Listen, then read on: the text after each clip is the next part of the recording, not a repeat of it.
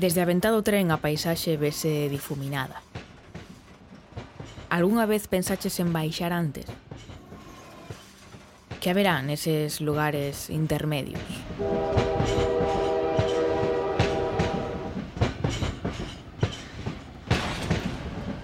Non sei.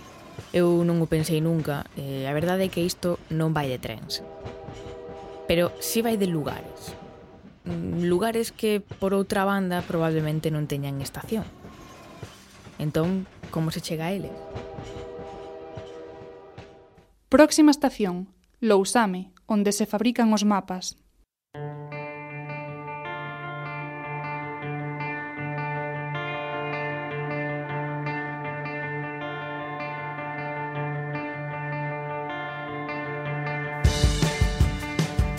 Neses tempos nos que non existía o GPS nin Google Maps, os mapas eran uns enormes despregables de papel máis ou menos resistentes ao uso e ao paso do tempo.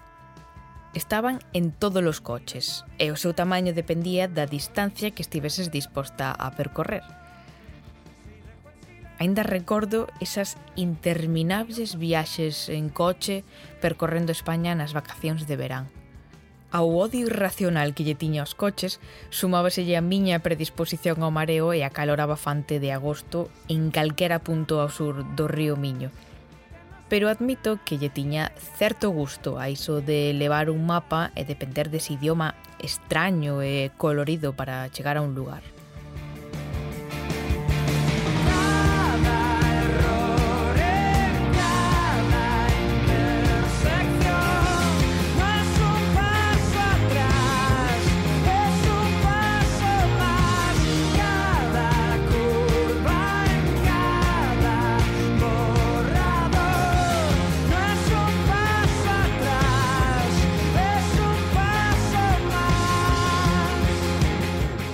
Dentro de 500 metros, en la rotonda, toma la segunda salida en dirección C37Z. Eu que vivo da cabalo entre Compostela e a pequena parroquia de Suevos teño interiorizados estes dous lugares. Iso que dicimos de que os coñecemos como a palma da nosa man. Pero por algunha razón gustanos ter instalado no ordenador o Google Earth, Maps e demais, e mirar a nosa casa nesa vista de satélite. E xa non digamos ter controladas as leiras, que é a afección principal de meu avó. Con isto quero dicir que, por moito que coñezamos un lugar, un mapa sempre nos dá unha perspectiva descoñecida, tentadora e mesmo pracenteira. E non con afán de pasalo ben porque era un home moi serio, pero sí co anelo científico que o caracterizaba Domingo Fontán embarcouse no século XIX nun dos proxectos máis ambiciosos da historia da cartografía do noso país. A creación dun mapa de Galicia que nada ten que envexar aos que desfrutamos hoxendía grazas á precisión dos satélites. Toda nación civilizada que desexa a prosperidade do seu país debe ter á vista un deseño exacto deste, Esta frase, escrita polo seu mestre, foi a chispa que prendeu definitivamente en Fontán.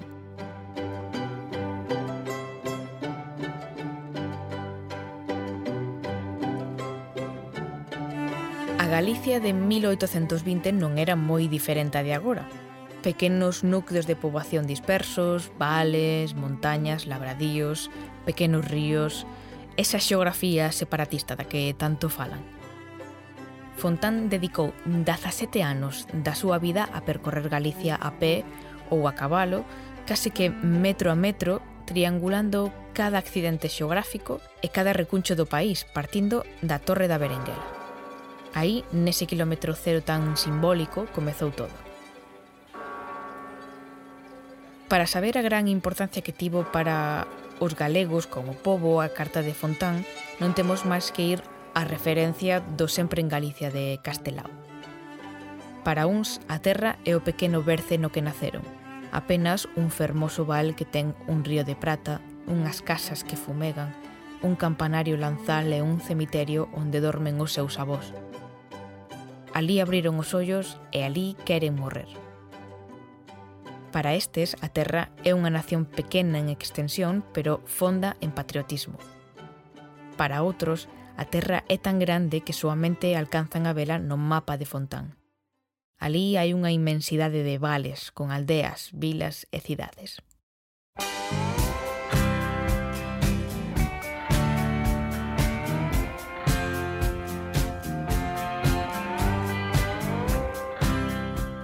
Esa inmensidade quedou inmortalizada para sempre en 1845 nunha imprenta en Francia, porque ao amigo Fontán non lle puxeron nada fácil. A raíña rexente María Cristina non o tiña nada claro, porque ao cabo un mapa é unha arma moi poderosa en mans inimigas. Pero, finalmente, Fontán puido ver os froitos do seu traballo. I see the shapes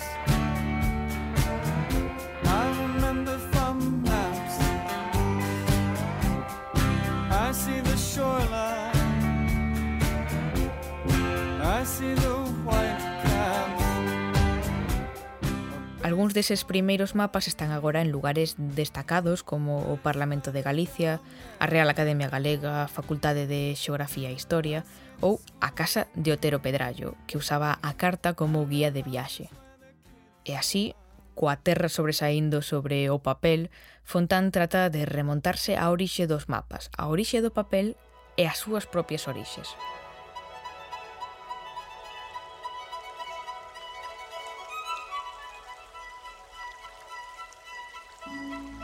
Corre o río Xusto por unha pequena área boscosa do Concello Coruñés de Lousame. Entre as árbores e a maleza dunha cor parda sobresai unha gran estructura de pedra con moitas e grandes ventás xa sen cristais. Na escena destaca o tamaño da fábrica, pero sobre todo o constante discorrer da auga. Estamos no lugar onde se facía o papel hai 200 anos, A fábrica xa está en ruínas, claro, pero aínda se poden adiviñar as diferentes habitacións e con un pouco máis de imaginación as súas diferentes funcións.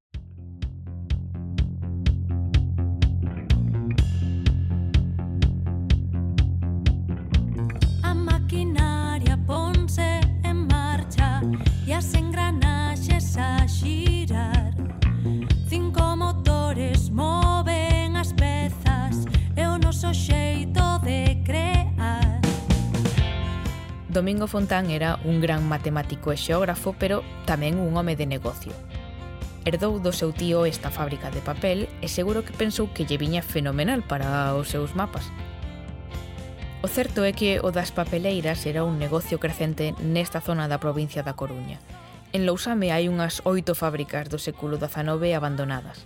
Unha delas, a de Brandía, podémola ver agora en activo no Concello de Santiago.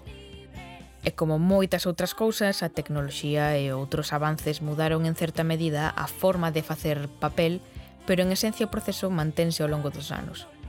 Todos sabemos que o papel nace mm, das árbores. Faise cunha polpa de madeira que pasa uns procesos químicos para manterse branco e resistente. E aí mesmo radica a principal diferenza co papel que facía Fontán. Nese momento, o papel facíase con fibras textiles, Imagina isto, tes unha camiseta bella que xa non usas e que seguramente vai a acabar no lixo. Pois non a tires, porque podes facer un papel maravilloso. E non é cousa de vello, porque estas fibras textiles seguen a empregarse na fabricación de papéis de alta calidade, como o papel timbrado de algúns documentos oficiais.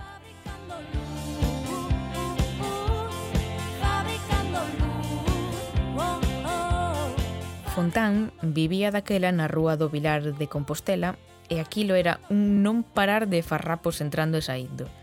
A imaxe é cando menos curiosa. Un catedrático como a él, un señor serio e respectado, rodeado de trapos vellos. Pero o certo é que a súa fábrica tiña moi boa fama e o seu papel exportábase a todo o país. Mesmo o goberno da capital o empregaba, Con el podíanse facer cousas tan curiosas como o envoltorio dos puros ou os naipes para botar unha partida ao tute. Así que podemos dicir que Fontán tivo bollo con esta fábrica de papel. Non sabemos se realmente fabricou aquí o papel dos seus propios mapas, O que si podemos saber grazas a un comparador cartográfico da Xunta é que o mapa de Fontán só se desvía da visión de satélites actual nuns cantos metros.